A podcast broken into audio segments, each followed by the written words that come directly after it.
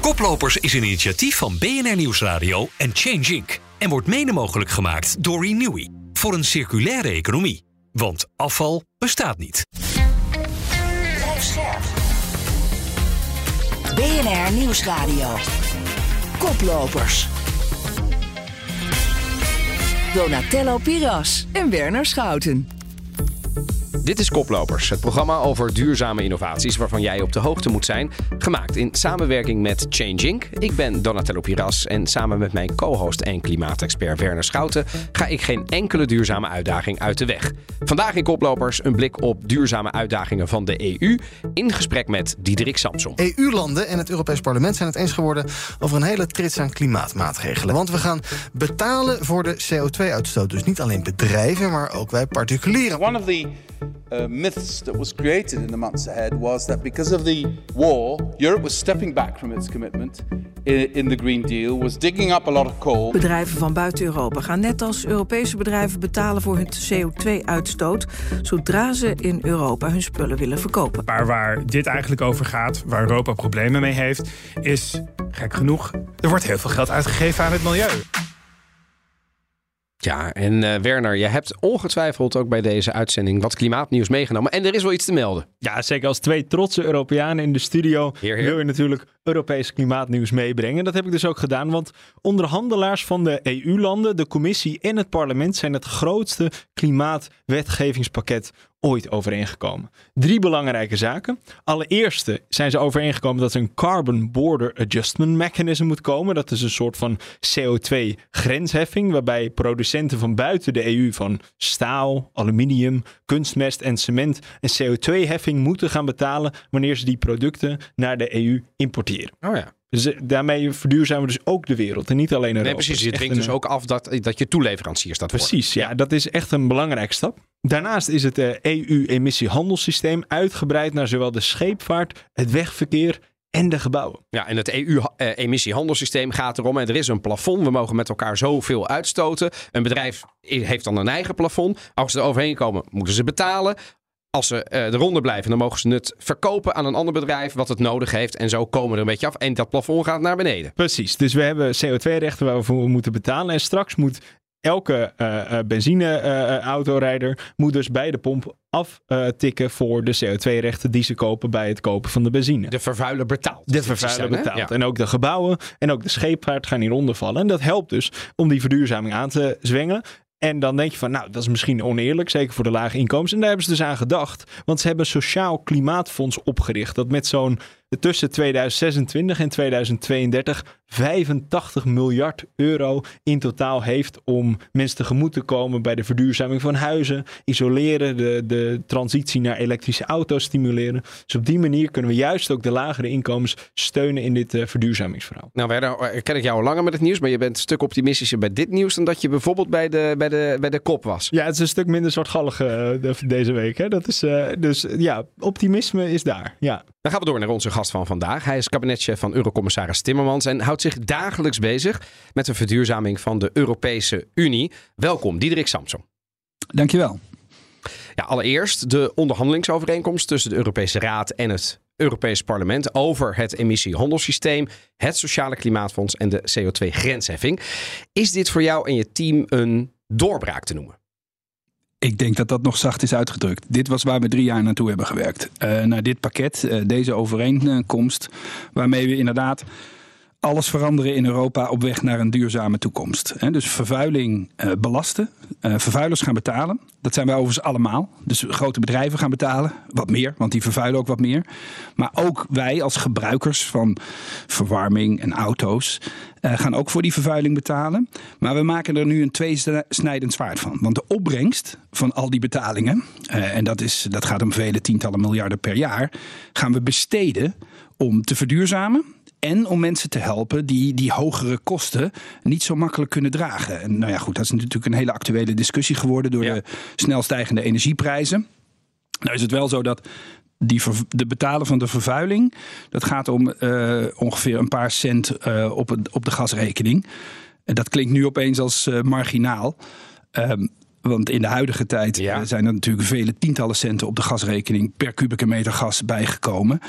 Ehm, maar wat we willen gaan doen is de opbrengst daarvan terugsluizen naar precies die mensen die het het moeilijkst hebben om te betalen. Dus niet naar iedereen. Uh, het wordt een, ook een, echt een sociaal klimaatfonds.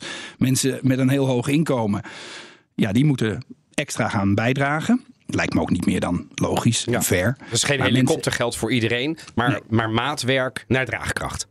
Ja, en dan eigenlijk ook nog het liefst met, eh, op een manier die structurele problemen oplost. Je kunt natuurlijk ieder, iemand die in een slecht geïsoleerde woning zit en dus een hoge energierekening betaalt, natuurlijk elke, elke maand compenseren voor die energierekening. Je kunt ook die woning isoleren op kosten van ons allemaal, niet van die persoon zelf, want die zit tegen zijn wil en waarschijnlijk ook zonder veel financiële middelen in die woning.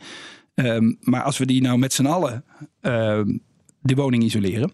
Ja, dan, dan heb je een structurele oplossing. En is de rekening niet één maand gecompenseerd, maar voor altijd. Nou, wordt de EU vaak geprezen voor haar koploperschap op het gebied van duurzaamheid. En dit is daar een, een volgende stap in.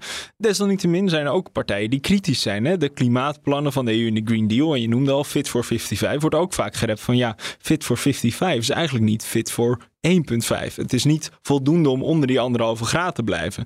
Dus mijn vraag is, zit er meer in de pijplijn om wel EU als geheel continent in lijn met die anderhalve graad doelstelling te krijgen. Daarvoor zouden we ja, fit for 65 eigenlijk moeten hebben. 56% reductie, 65% reductie in 2030.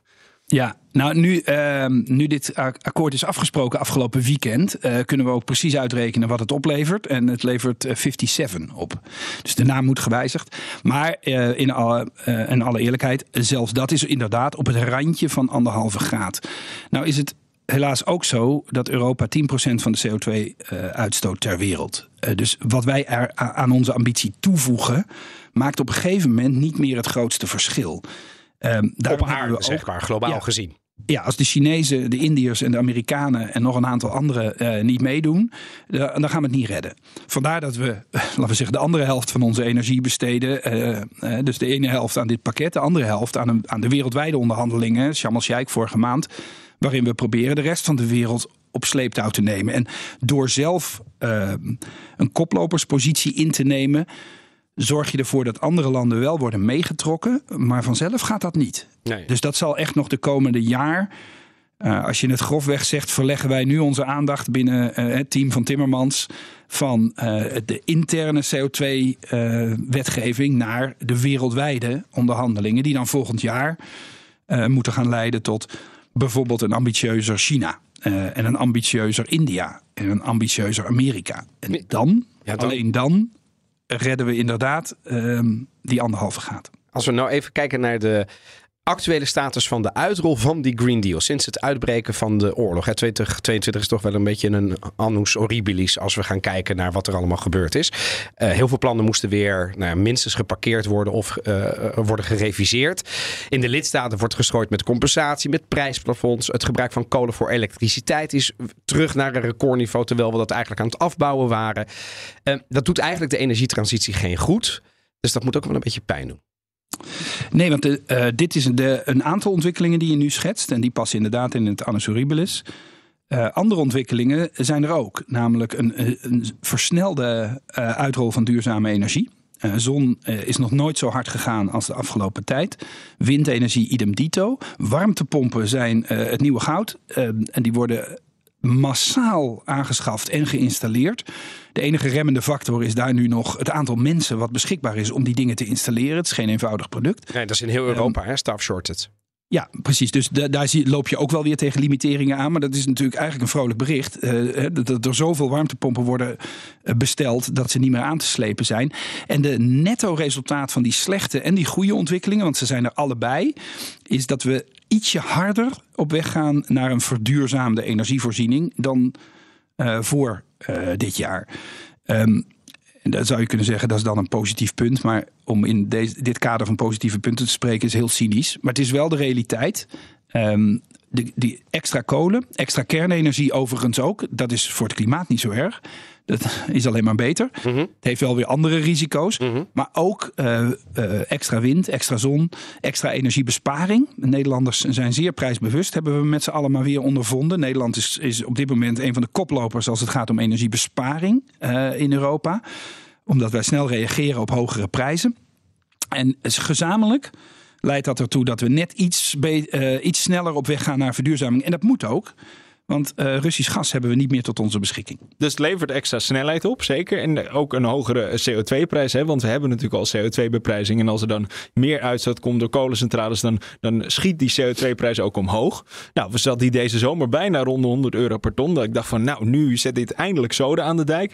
Tot mijn verbazing kwam toen de Europese Commissie met een compensatie van 29 miljard euro voor de energie-intensieve industrie. Dus dan zijn we toch eigenlijk weer een beetje ja, tegen de wind in aan het roeien. Ja, maar goed, dat is, dat is natuurlijk. Als veranderingen heel snel gaan, dan maken ze zichzelf kapot. dus je kunt wel heel vrolijk toekijken hoe de energierekening voor niemand meer te betalen is. Maar dat, dat werkt niet. In een samenleving moet je wel iedereen meenemen. En iedereen, dat zijn ook bedrijven overigens. Maar vooral mensen die het moeilijk kunnen betalen. En daarom hebben we nu in Europa inderdaad een. Uh, een steunpakket, als je alles optelt, van 500 miljard euro. om de energierekening van Europeanen in zijn algemeen enigszins behapbaar te houden. Nou, in elk land is daar felle discussie over. Elk land gaat het ook een beetje onbeholpen. Het is ook heel moeilijk hè, om precies het juiste geld op elke elke keukentafel van Europa te laten landen. En dat komt dus, dus ook ten dele bij die energie-intensieve industrie uh, terecht? Ja, dat komt ten dele. Maar, en soms is dat ook nog bedoeld ook. Uh, want daar werken namelijk een hele hoop mensen. Hè? Dus er zijn altijd hele, best wel veel goede redenen om een groot bedrijf. nou zullen wij bij BNR de laatste zijn om het bedrijfsleven. om, eh, nee, daarom, om de winter door te helpen. Nee, nee, maar het is, wel, het, het, is wel een dilemma. Want um, ja, kort en goed, uh, als je, hoe meer je doet aan uh, het, het verlagen van de energierekening, hoe minder snel de transitie gaat. Maar ik denk dat we nu wel een evenwicht moeten vinden. En ook wel een beetje hebben gevonden. De, energierekening zoals die nu is, is natuurlijk veel te hoog. Dat kan ook echt niet. Ook, is ook niet de bedoeling geweest. Zal ook niet het gevolg zijn van, van klimaatbeleid. Is nu puur het gevolg van deze oorlog. En ook over die subsidies aan, aan, de industrie gesproken. Aan de andere kant van de plas in de, de, VS is de Inflation Reduction Act aangekondigd. Een soort van subsidiekanon voor elektrische auto's en groene waterstof van meer dan 300 miljard euro. Um, en tezamen met de hoge energieprijzen hier waarschuwen juist grote industriële bedrijven nu voor de deindustrialisatie van Europa. Zijn dat zorgen die nu ook leven bij jullie in Brussel? Of is dat eerder een opgeklopte lobbyverhaal waar je niet al te uh, uh, onzeker van wordt? Uh, nou, allereerst, wij maken ons wel zorgen over die deindustrialisatie. Maar die is dus vooral het gevolg van die hoge energieprijzen die we nu uh, meemaken. En dat heeft niets te maken met die IRA uh, die Inflation Reduction Act in Amerika. Daar is de, de, Nou, ik zou niet zeggen dat is een opgeklopt verhaal. Want het is een, eigenlijk een, een goed plan van Amerika. Eindelijk gaan zij ook eens versneld verduurzamen. Daar gooien ze dan 300 miljard tegenaan. Um, de hoeveelheid geld die we in Europa besteden aan de verduurzaming is het viervoudige daarvan. Hè? Dus uh, er is nou niet meteen reden om te denken uh, voor paniek. Om te denken dat de Amerikanen ons uh, wegsubsidiëren of hun industrie de hemel in subsidiëren. Dat valt nog wel mee. En bovendien zit de IRA nog wel heel erg in zijn witte broodsweken. Wij hebben net drie jaar wetgeving uh, achter de rug. En ik kan je vertellen, het begint altijd met een hele mooie aankondiging. Maar de realiteit is een stuk ingewikkelder hoor. Als je groene waterstof wil stimuleren, ja. hè, dat is, dan stimuleer je dus waterstof die is gemaakt van elektriciteit. Dan zet je dus een electrolyzer neer, laten we zeggen in Texas. Hoe, hoe controleer je dan dat die ook echt op groene stroom draait? De Texas, het, het, het grid in Texas, daar zit een hoop wind in, maar ook een ongelooflijke hoeveelheid kolen. En dat is grijs. Uh, ja, hartstikke zwart. Of, of, uh, dus ja, ja, tenzij het compenseert inderdaad. Ja, ja dus daar moet je dan weer regels voor maken... waardoor je uh, kunt zien, kunt berekenen... kunt boekhoudkundig kunt hard maken... dat je echt alleen maar groene stroom hebt gebruikt of gekocht. Nou, die regels, daar zijn wij al een tijdje mee bezig. Dat is een stuk minder eenvoudig dan het lijkt. Maar ik gun de Amerikanen alle goeds. Uh, dus die moeten vooral doorgaan met die wet. Waar het pijn gaat doen, en daar heeft Europa ook wel een paar keer op gewezen, is als hij echt protectionistisch wordt. En dus als je exact dezelfde prachtige elektrische auto maakt als de Amerikanen. En dat de Amerikaanse fabriek krijgt de subsidie en jij niet. Dan ga je ook wel gewoon rechtstreeks in tegen wat we met elkaar op de wereld hebben afgesproken over handelsbelemmeringen en het voorkomen daarvan. Je luistert naar een gesprek met Diederik Samsom, kabinetchef van Eurocommissaris Timmermans in de EU. En eerder dit jaar zat je bij een ander BNR-programma, BNR's Big Five. In dat gesprek kwam de verduurzaming van de industrie ter sprake. Jij zei toen dat grote industrieën moeten overstappen op een geheel ander productieproces. Ook bij Tata Steel heb je gezien, hè, jarenlang. Nog een, nog een paar jaar geleden zat ik tegenover die staaljongens. En dan praat ik over het maken van staal met waterstof. En dan keken ze naar het plafond met rollende ogen. En, en dan overhandelden ze me zelfs het basisboekje chemie om aan te tonen dat dat helemaal niet kon. En nu, want het kan wel, het is alleen wel veel moeilijker. En nu, we hebben net. eh, Frans, eh, Frans Timmermans is net op bezoek in Zweden geweest om te kijken naar dat nieuwe hybrid staalsysteem. Dus maak je echt staal met waterstof. Het kan wel. En ook Tata Steel is volledig om. Ja, jij noemde de, de groene staalfabriek in Zweden, die met een hele mooie, stabiele, duurzame waterkracht veel eh, duurzame staal gaan maken. Nu zijn we in Nederland ook druk bezig met miljarden voor de verduurzaming van de industrie. Ook om toch een beetje de oude meuk van Tata Steel te verduurzamen.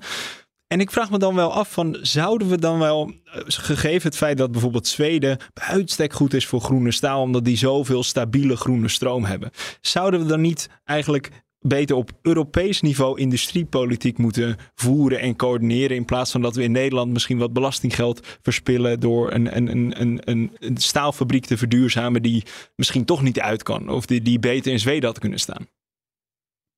Nou, in theorie is dat natuurlijk waar. Ehm, maar de praktijk wil wel. Europa is geen Amerika. Eh, we zijn 27 verschillende landen. Die hebben alle 27 een eigen, de eigen democratie, een eigen politieke cultuur en ook een eigen maatschappelijke cultuur. Eh, als je alles naar Europa trekt, dan, eh, dan gaat het niet goed. Dan maak je een ongeluk. We gaan wel meer Europees eh, industriebeleid voeren, omdat heel veel sectoren, staal is daar overigens een zeer goed voorbeeld van, die gaan natuurlijk de nationale landsgrenzen wel ver voorbij. Hè. Het, staal, staal van Tata gaat nauwelijks in Nederland, wordt nauwelijks in Nederland gebruikt en de grondstoffen die je ervoor nodig hebt komen ook niet uit Nederland. Um, dus, dus dat is een wereldwijde fabriek feitelijk. Dus we gaan steeds meer uh, subsidies en beleid op Europees niveau doen. Maar alles tegelijk, dat zou um, een ongeluk veroorzaken. En over de plaats, ik zei het al. Het, de plaats van Stata, daar wordt nu uh, vraagtekens bij gesteld. Van ja, je kunt beter zo'n staalfabriek naast een waterkrachtcentrale zetten. die stabiel heel veel waterstof kan maken, wat je dan kan gebruiken. Maar ja, ik wijs erop. Tata zit er al een tijdje. We hebben geen ijzererts in Nederland. We hebben ook geen kolen, al een hele tijd niet meer in Nederland. En toch maken we daar best mooi staal op een goede manier. De, kennelijk is, is de, plek waar je een fabriek neerzet van meer factoren afhankelijk. Ik geloof er uh, echt wel in dat je op die plek met waterstof heel schoon staal kan maken. Met al die briljante mensen die in Tata Steel werken. Ja. Merk je nou veel bereidheid om, uh, van de industrie in Europa om te verduurzamen? Of is er ook tegenwind? Hè? Want als ik een voorbeeld noem, bijvoorbeeld Balzef, Gemirhuis, die draait de duimschroeven aan door de activiteiten naar China te verplaatsen onder de druk van al die maatregelen. En het is ook een beetje een publiek geheim. De Duitse auto-industrie, ja, die is niet heel erg blij met die juist geaccordeerde CO2-grensheffing. Vinden ze onacceptabel. Kortom, het zou ook kunnen betekenen dat als je de duimschroeven aandraait, dat ze dan gaan outsourcen naar het buitenland. En ja, dan, dan is het misschien een beetje pennywise pound foolish. Ja, en dat is een dilemma waar we natuurlijk al een tijdje mee bezig zijn. Ik durf te beweren, sinds het kinderwetje van Van Houten uh, dreigt de industrie uh, Europa te verlaten als we ze te duur maken. Ja, is het alleen woorden dan? Uh, nee, uh, elke keer uh, zoeken we in reactie op, daarop dan weer toch weer naar een betere evenwicht. En dat evenwicht landt ongeveer altijd op dezelfde plek, namelijk net aan de kop van het peloton. En daar moeten we met, als Europa ook met z'n allen best trots op zijn. We hebben de meest efficiënte en de schoonste industrie van de wereld, dankzij dit duw- en trekwerk. Dus inderdaad, uh, politici die daar natuurlijk geen bal verstand van hebben, zoals je, je hoort het bedrijfsleven al praten, van het maken van staal, die maken dan regels voor heel schoon staal. En dan zegt de, de industrie, jongens, dat is wel heel erg ruig. Dan zoeken we naar een beter evenwicht. En dan kom je uit net aan de, aan de, aan de kop van het peloton, dus precies waar je moet zitten. Niet, niet uh, geen zaken kapot maken. Hè. Mensen moeten gewoon uh, hun geld kunnen verdienen, hun brood kunnen verdienen in een mooie fabriek, zoals een staalfabriek of een autofabriek. Maar we moeten wel richting die duurzame toekomst. En Europa kan en moet wat mij betreft daar ook echt uh, de koploperspositie uh, in innemen. Dus als Basef nu zegt we gaan weg. Um, ik zal niet meteen zeggen, zo'n vaart loopt het ook weer niet. Want met de huidige hoge gasprijzen hebben ze ook echt wel een ja, reden om bezorgd ja. te zijn. Dus daar moeten we iets aan doen. Snelle verduurzaming van BASF is dan ook uiteindelijk ook het antwoord. Dat weten ze zelf ook wel. En daar zijn ze zelf ook uh, heel hard mee bezig. Um, het is wel zo dat nu in het huidige tijdsgewicht, met die enorme snelle stijging van energieprijzen, een oorlog, uh, spanningen in de wereld, het vinden van dat evenwicht, wat ik net beschreef, wordt wel steeds moeilijker. Tot slot, welk advies zou jij aan ondernemers die luisteren willen geven die op dit moment worstelen, en dat zijn er veel, met de duurzame uitdagingen die nu spelen, vanuit jouw positie? Nou, wat ik merk, en, en dat vind ik wel interessant om te zien, en ik hoop dat dat ook, ehm, laten we zeggen, de nieuwe mentale uh, weerbaarheid van de industrie uh, gaat worden. Kijk, tot voor kort zat iedereen toch een beetje aan schroefjes en boutjes te draaien. Een beetje efficiënter hier, beetje efficiënter daar, beetje zuiniger zus. En dan maak je een product waar je een beetje trotser op bent. Um, nu zien we dat veel steeds meer bedrijven gewoon uh, uit het raam springen. Uh, en echt iets heel anders gaan doen op een heel andere manier. We noemden al staal. Dat, was, dat is een van de grootste en daarmee meest radicale voorbeelden. Maar dit speelt op alle vlakken. Um, en we hebben haast daarom zie ik veel meer, steeds meer bedrijven ook daadwerkelijk die grote sprong maken. Dus af van het beetje bij beetje, stapje voor stapje, schraap, uh, schraap, schraap. Gewoon een heel ander product op een heel andere manier gaan maken. Um, en daarmee die toekomst veiligstellen. En je ziet steeds meer ondernemers die succesvol zijn met die strategie. Um, en ik hoop dat dat schoonmaakt. Um, en dat, dat is eigenlijk een oproep aan ondernemers om meer risico te nemen. Daar staat wel tegenover dat de overheid dan ook iets meer risico moet durven toestaan. We, we zijn als overheid snel geneigd om rare sprongen van ondernemers al snel te dempen. Oh, oh rustig aan, het moet ja. allemaal binnen de lijntjes blijven. Um, en wij zoeken nu, en op Europees niveau maak ik dat mee, maar op nationaal en ook op regionaal en lokaal niveau speelt dat net zo goed. Als overheid zoeken we ook naar dat nieuwe evenwicht, waarbij je dus meer risico, meer verandering in één keer mogelijk maakt. Met inderdaad de sociale risico's die daarbij horen, daar moet je niet te licht over doen.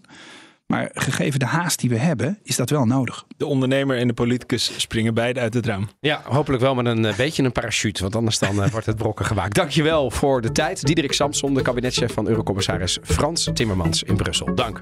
Graag gedaan. Tot ziens. Ja, dat was Diederik Samsom. En Werner, je begon best optimistisch met het klimaatnieuws. We hebben nu gesproken met Diederik Samsom. Ben je net zo optimistisch gebleven? In het gesprek met Diederik kwam toch ook wel de, de, de uitdaging naar voren. Hoe je zo'n industrie en hoe, hoe je ook landen die lang niet altijd even Europees gezind zijn, meeneemt. En wat dat betreft is het toch wel heel knap wat ze klaarspelen. Ondanks dat het niet in lijn is met anderhalve graad en dat we daar altijd scherp op moeten blijven, is wel ongelooflijk knap wat ze klaar weten te spelen met regelgeving om die hele EU onder uh, CO2-beprijzing te krijgen en die, ja, die versnelling in gang te brengen. Ja, dus ik hoor een glas dat half vol is.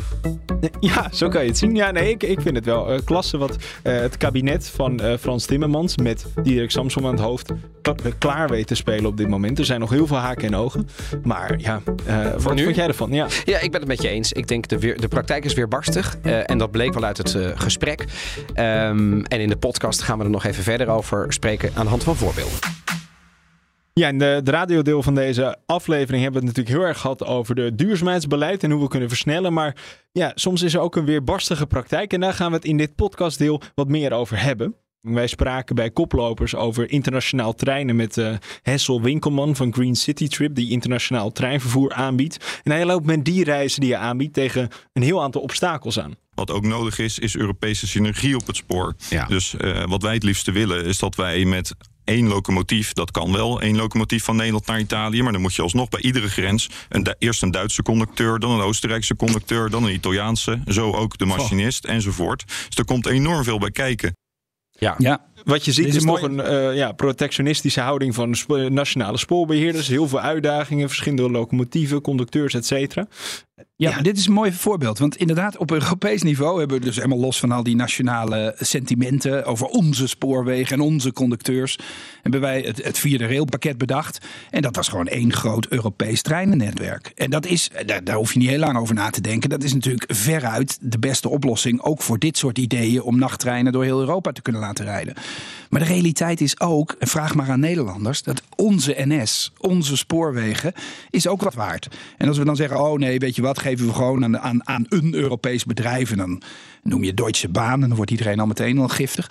Um, en dus, zo makkelijk is het dus niet. En deze worsteling uh, leidt tot een langzamere vooruitgang, maar wel een meer gedragen vooruitgang. Um, en helaas is wel het, dilemma waar we nu in komen. We hebben haast. We hebben haast met het verduurzamen van onze samenleving, met het veiligstellen van de toekomst van onze kinderen. Dus we kunnen ook niet al te makkelijk achteroverleunen bij dit soort uh, problemen die, uh, nou ja, die net werden aangedragen in het voorbeeld over nachttreinen. We werken dus nu hier, as we speak, bij wijze van spreken, heel hard aan het mogelijk maken, aan het toch mogelijk maken van die nieuwe nachttreinen. En weet je wat, die gaan er vanaf komend jaar ook echt wel veel meer komen. De revival van het Europese treinennetwerk is aanstaande. Heeft ook te maken met wat we dit weekend hebben afgesproken, want vliegen wordt ietsje duurder. Ja, wat ook regelmatig uh, is teruggekomen in koploper is de oproep van impactondernemers om op Europees niveau de zogenaamde true pricing toe te passen. Dus dat we alle maatschappelijke kosten in rekening gaan brengen. Ja, en dat kun je op nationaal niveau doen. Maar ja, uh, dat helpt natuurlijk niet op met dat Duitsland en België niet meegaan. Kortom, dat zou de EU moeten invoeren. Hoe kijk je daar dat tegenaan? doen, we, dat doen we dus nu, en dat hebben we de afgelopen weekend ver volmaakt, uh, voor CO2-kosten. Dat zijn, ik durf te beweren, dat is ongeveer de belangrijkste externality, hè, externe kosten van ons gedrag, die we normaal gesproken niet in de prijs terugzien. Um, en die hebben we nu wel in de prijs gestopt en op Europees niveau, want dat is inderdaad inmiddels met de ene Europese markt ook de enige uitweg. Als je dan andere externalities zou willen betrekken, mm -hmm. Bijvoorbeeld sociale kosten van, van een product of andere vervuiling. Biodiversiteit. Biodiversiteit. Uh, dan kom je al wel, da daar zijn we nog maar net aan begonnen. We scratching the surface, zoals dat dan heet. We zijn nog maar aan het oppervlakte van dat probleem. Um, en ik vrees dat het nog wel een decennium gaat duren voordat we zover zijn. Um, maar niet getreurd. Wat ik al zei, de belangrijkste uh, kosten, uh, milieukosten die, die van een product, namelijk de energie- en CO2-uitstoot, dat hebben we nou net gerealiseerd. Heeft overigens ook twee decennia ja. geduurd. Hè? Ja. Nogmaals, dankjewel voor je tijd, Diederik Samsom, kabinetchef van Eurocommissaris Frans Timmermans in Brussel. En dit was de podcast van Koplopers voor deze week. We hadden het met Diederik Samsom over het verduurzamen in de EU. Dank voor het luisteren. En volgende week zijn we er met een verse Koplopers. Dan hangen we de duurzame kerstballen op in een sfeervolle terugblik, Werner, op 2022. Ja, en de kerst is ook altijd van de sterren. Hè? Dus ja. als je dan on, uh, ons leuk vindt, dan vijf gouden sterren zijn natuurlijk fantastisch. Minimaal. Koplopers is een initiatief van BNR Nieuwsradio en Change Inc. en wordt mede mogelijk gemaakt door Ebbingen. Ebbingen kent, verbindt en ontwikkelt de leiders van de toekomst.